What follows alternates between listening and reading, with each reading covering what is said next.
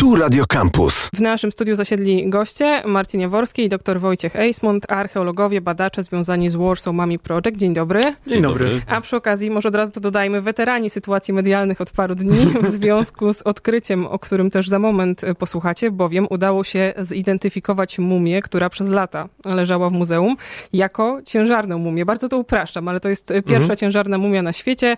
Wiemy o tym my, niezwiązani z nauką ludzie od kilkunastu dni, ale wy jako naukowcy zrobiliście to dużo wcześniej. To znaczy minął spory czas, odkąd wpadliście na to odkrycie, do momentu, kiedy my możemy o nim rozmawiać i się o nim dowiadujemy, prawda?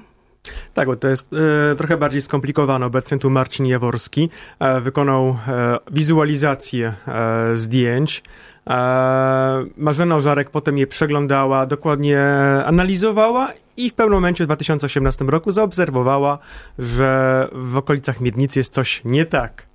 Co to za mumia? Może jeszcze cofnijmy się krok wstecz i uzupełnijmy tę opowieść. Mumia ta należy do naszego uniwersytetu, czyli do UW i przyjechała w 1826 roku prosto z Egiptu i miała być to pierwotnie mumia kobiety. Tak ją przynajmniej nazwano. Dlaczego? Może z tego powodu, że e, sarkofag i kartonarz, który ją przykrywa, mają mm, wymodelowane twarze zmarłej osoby i właśnie na kartonarzu rysy są bardzo miękkie, delikatne, kobiece, co więcej ma naszyjnik, więc to e, w XIX wieku od razu kojarzyło się z kobiecością i tak ją nazwano.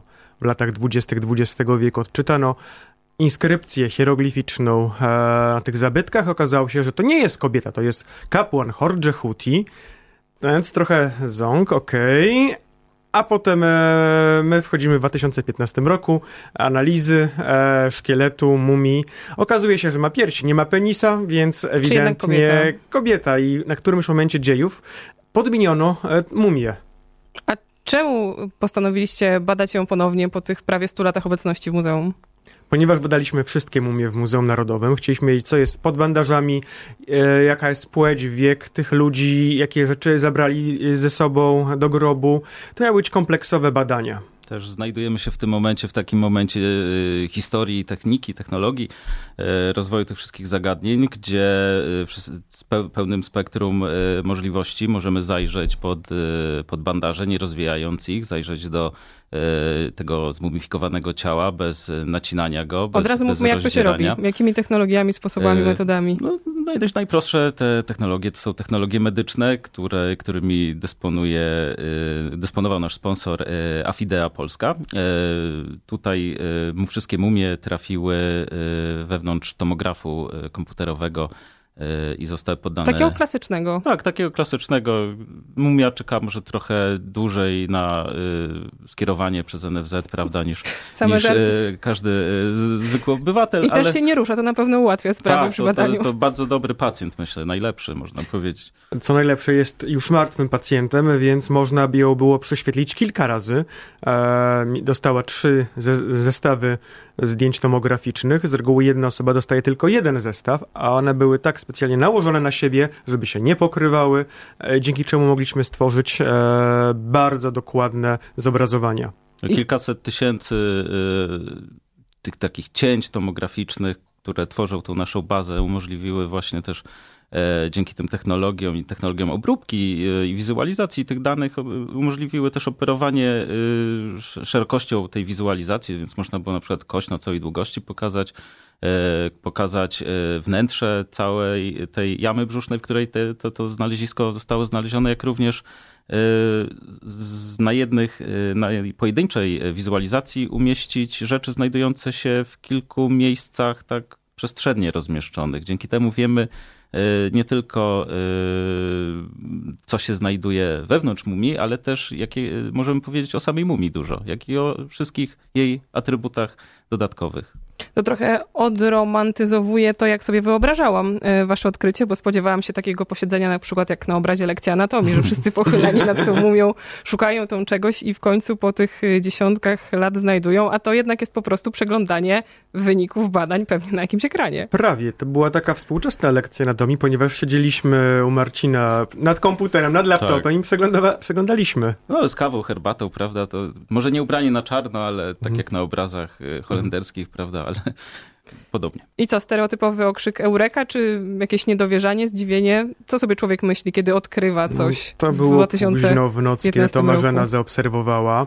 Druga, trzecia. Najpierw zapytała się męża, co on tam widzi. On potwierdził, że e, no, widzi małą stópkę. Ona, gdzie? No tutaj. No i płód, okazuje się, telefon do mnie o drugiej, trzeciej w nocy, a ja taki zaspany. Jakie dziecko? O czym wy mówicie? Marzena, to dopiero co urodziłaś. Nie, nasze dziecko. Jakie? Nie nasze czy nasze? Moje, twoje? Hello. Zostawcie swoje sprawy małżeńskie między sobą, jest trzecia w nocy. Nie, Wojtek, mumia jest w ciąży. Sztajcie mi spać, ludzie. No i okazało się, że rzeczywiście jest. Czy to nie jest ym, jakaś sytuacja niestandardowa, że ten płód nie został, nie wiem czy mogę użyć takiego słowa, ale po prostu wyjęty z ciała przed mumifikacją? No jest to dosyć, no jest to niespotykany przypadek, żeby ktoś pozostawił e, nienarodzone dziecko wewnątrz e, jamy brzusznej tej kobiety, która je nosiła.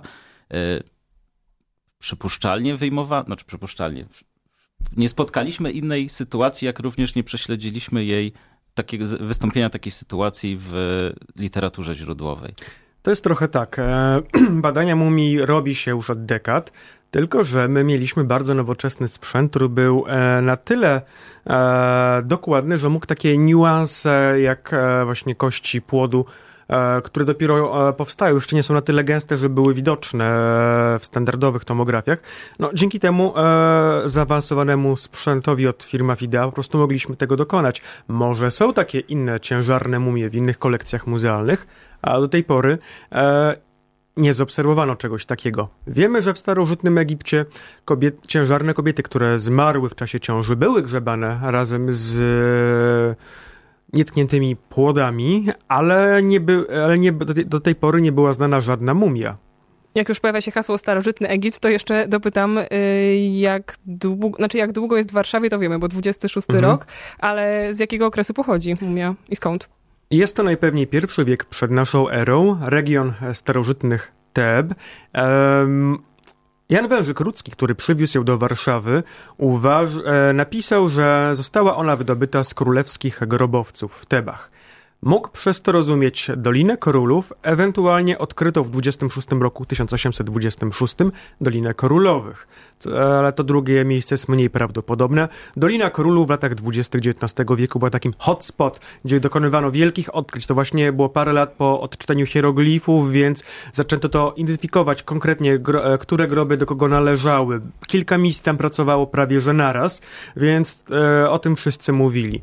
I w XIX wieku dość luźnie jednak podchodzono do podawania miejsc znalezienia zabytków, no i często, żeby podkreślić rangę, wagę i podnieść wartość takich zabytków, my nie podawano jakieś słynne miejsce. Dzisiaj by to było Złote Miasto albo grobowiec Tutenchamona, no wtedy była to Dolina Królów. Jednak fakt, że e, trumna i kartonaż pochodzą z regionu tebańskiego wskazuje na to, że może być w tym ziarnko prawdy. W studiu dr Wojciech Heismont i Marcin Jaworski, Warsaw Mummy Project. Jak się mówi po angielsku, to ja bym chciała, żeby słuchacze odczytali to jako mumia, ale jeżeli odczytają to jako mama, to też dobrze w tym przypadku, bo mówimy o odkryciu ciężarnej mumii, o którym ostatnio świat mówi dużo. Wiemy już, że e, goście wiedzą to dużo wcześniej niż my się dowiedzieliśmy w ostatnich e, tygodniach, ale chciałabym, żebyśmy w ogóle jeszcze trochę o pracy z mumiami, jeśli w ogóle tak można mówić, e, pomówili. Jakie są procedury, co można, czego nie można. Wiemy, że są specjalne pomieszczenia, w których te mumie się przechowuje. W przypadku tej ciężarnej to jest Muzeum Narodowe. No i właśnie, kto ma tam wstęp? Co trzeba zrobić, żeby te mumie badać? Jakich procedur przestrzegać? Co ubierać na mhm. dłonie? Jakich fartuchów używać? Opowiadajcie. Tak, bo... E przeciętny człowiek może myśleć, e, myśleć, że to człowiek, e, że to żywy człowiek może się e, zarazić czymś od mumii, jakimiś grzybami. Ja to bym się bała, że ją uszkodzę w pierwszej kolejności. tak, a to jest na odwrót. To właśnie my musimy przestrzegać różnych zasad, żeby nie przenieść na tę mumię grzybów, więc musimy być w odpowiednich strojach, w rękawiczkach, a najlepiej, żeby tych mumii nie dotykać i właśnie to jest samo sedno naszych badań. Tutaj kolega dokładniej o tym opowie. E, można powiedzieć, że e, spełnialiśmy standardy sanitarne, zanim to się stało modne. E, w każdym razie mumia to jest taki, taki biotop swoisty, który trzeba zachować, prawda, nie wprowadzać do niego czynników obcych. Mumia też, te zabytki są, znaczy właśnie ten, to fakt, że to są zabytki, więc one w muzeum spoczywają w bardzo określonych warunkach z zachowaniem wilgotności, temperatury. Przez to trzeba je też transportować w odpowiedni sposób i z należytą ostrożnością. Cały proces był długotrwały i bardzo tak. E, delikatnie przebiegał. Żeby to był cały konwój, no eskortowany przez ochroniarzy z bronią, e, wysokie ubezpieczenia, wszystko trzymane w tajemnicy do ostatniej chwili. Tak, bo mumia to też można powiedzieć skarb, a skarb e, należący do skarbu państwa de facto, czyli do nas wszystkich. Więc w tym momencie oprócz tej kwestii, to tutaj przychodzą też z pomocą różne technologie, tak jak mówiłem, jeszcze kilkadziesiąt lat temu tą mumię byśmy badali w zupełnie inny sposób, czyli niszcząc de facto ją, bo trzeba byłoby ją rozwinąć, trzeba by było rozpuścić te różne żywice i inne substancje, które ją sklejają, jak również e, naciąć tą tkankę e, ciała, tą zachowaną tkankę miękką ciała, bądź połamać też jej kości, e, żeby się do niej dostać. E, co by bez, bezstratnie ją, znaczy, przepraszam, co by ją całkowicie y, uszkodziło i, i, i byłoby to bardzo nieodżałowane dla, no, dla dziedzictwa y, kulturowego. W tym momencie dysponujemy tymi technologiami, technologiami, które y, umożliwiają nam robienie tego w sposób zupełnie niedestrukcyjny. Czyli nieinwazyjnie i niedestrukcyjnie jesteśmy w stanie wyciągnąć informacje o walorach naukowych i poznawczych, a przemielić je w, przełożyć je właściwie y, na informacje o charakterze popularyzatorskim, żeby te, te rzeczy czytelne dla naukowców były też czytelne i zrozumiałe dla każdego odbiorcy. Wrócę jeszcze do tego tomografu czy rezonansu, cokolwiek było y, podejmowane, jakie badanie. I czy tam mumia jakby jest wyjmowana ze skrzyni, czy trumny, w której spoczywa, czy, czy wjeżdża z całym, w cudzysłowie, opakowaniem? Większość mumii to, znaczy, to co, może zacznijmy od tego, co znajduje się w depozycie, y, depozycie w Muzeum Narodowym. Są to całe mumie, mumie y, pełne, figuralne, prawda, pełne ciała ludzkie. Są to fragmenty ciał, na przykład same stopy, same dłonie, y, jak również mumie zwierzęce. Więc Mumię o małych gabarytach stosunkowo łatwo wsadzić, y, wstawić w mm, maszynę do rezonansu y, bądź y, tomograf, a w przypadku mumii Hodge'a Hutiego jeszcze dochodziła kwestia sarkofagu. Mhm. Tak. Mumia, o ile pamiętam, nie była, nie jest trzymana w samym sarkofagu e, z przyczyn konserwatorskich. W ogóle, tak jak Obecnie jest wystawiona w Muzeum Narodowym i znajduje się obok. E, jest to wystawione jako taki cały zestaw. E, I mumia była e, w oddzielnym opakowaniu przewieziona do kliniki medycznej i włożona do tomografu komputerowego. Poza trumną. Mhm. Jak myśli się o mumiach pracując z nimi? Mam na myśli to, czy postrzegacie je bardziej jako, nie wiem, skarb, tak jak mówiliśmy, czy po prostu materiał badawczy, czy ten wspomniany biotop, czy jednak gdzieś w waszych głowach rodzi się taki aspekt człowieczeństwa i myślicie też o nich po prostu jako o ludziach? Hmm, sam fakt tej wykrytej ciąży, myślę, niedonoszonej też, myślę, że na nas y, pewne też piętno wywarł, bo y, i Marzena i ja jesteśmy rodzicami małych dzieci, więc sam to jest takie odkrycie, które e, daje do myślenia, jak, jak, jak e, kwestie związane z położnictwem, macierzyństwem, ojcostwem, e, cały zestaw wierzeń też związanych i działań kulturowych jest powiązany z tym znaleziskiem, więc to jest, to jest bardzo ciekawa kwestia, którą dalej możemy rozwijać i badać. Tak, warto tutaj zauważyć, że wcześniej to było trochę traktowane po, po macoszemu i e, kwestia właśnie zdrowia e, w czasie ciąży, komplikacji okołoporodowych, to był temat prawie niepodejmowany w literaturze naukowej, ale też trudno się temu dziwić, ponieważ e, zanim my zaczęliśmy, dokonaliśmy tego odkrycia, nie było źródła informacji z pierwszej ręki. Co najwyżej były jakieś teksty medyczne albo przedstawienia związane z porodami i ochroną zdrowia w czasie ciąży. Co dalej w Warsaw Mummy Project? To jedno wielkie odkrycie, myślę, że zajmuje też sporo czasu, również z powodów medialnych mhm. w waszej pracy, ale co dalej? Czy jeszcze wracacie do tych mumii, które należą do zbiorów Muzeum Uniwersytetu Warszawskiego, ale spoczywają w Muzeum Narodowym? E, to jest tak, to jest tylko pierwsza mumia z całej serii. E, mamy jeszcze kilka mumii, e, które ujawniły kilka sekretów, których się w ogóle nie, spodziewa nie spodziewaliśmy. Jest jedna mumia, która była uważana za falsyfikat, a w czasie naszych badań okazało się, że jest prawdziwa. Też było to niesamowite.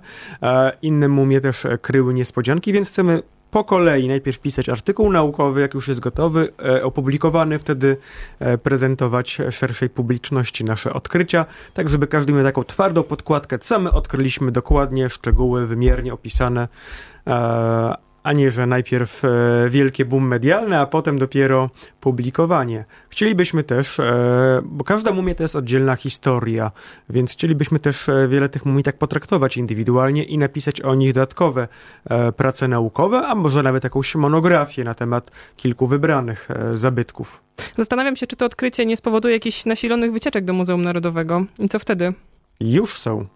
E, byliśmy we wtorek w muzeum na w związku z wywiadami i zauważyliśmy, że przychodzą ludzie specjalnie, szukają tej mumii. I czy ona jest do znalezienia? Jak najbardziej. E, znajduje się w takiej ciemnej sali, e, trochę urządzonej jak grobowiec, sali pełnej trumien, sarkofagów i innych mumii. Więc ma doborowe towarzystwo.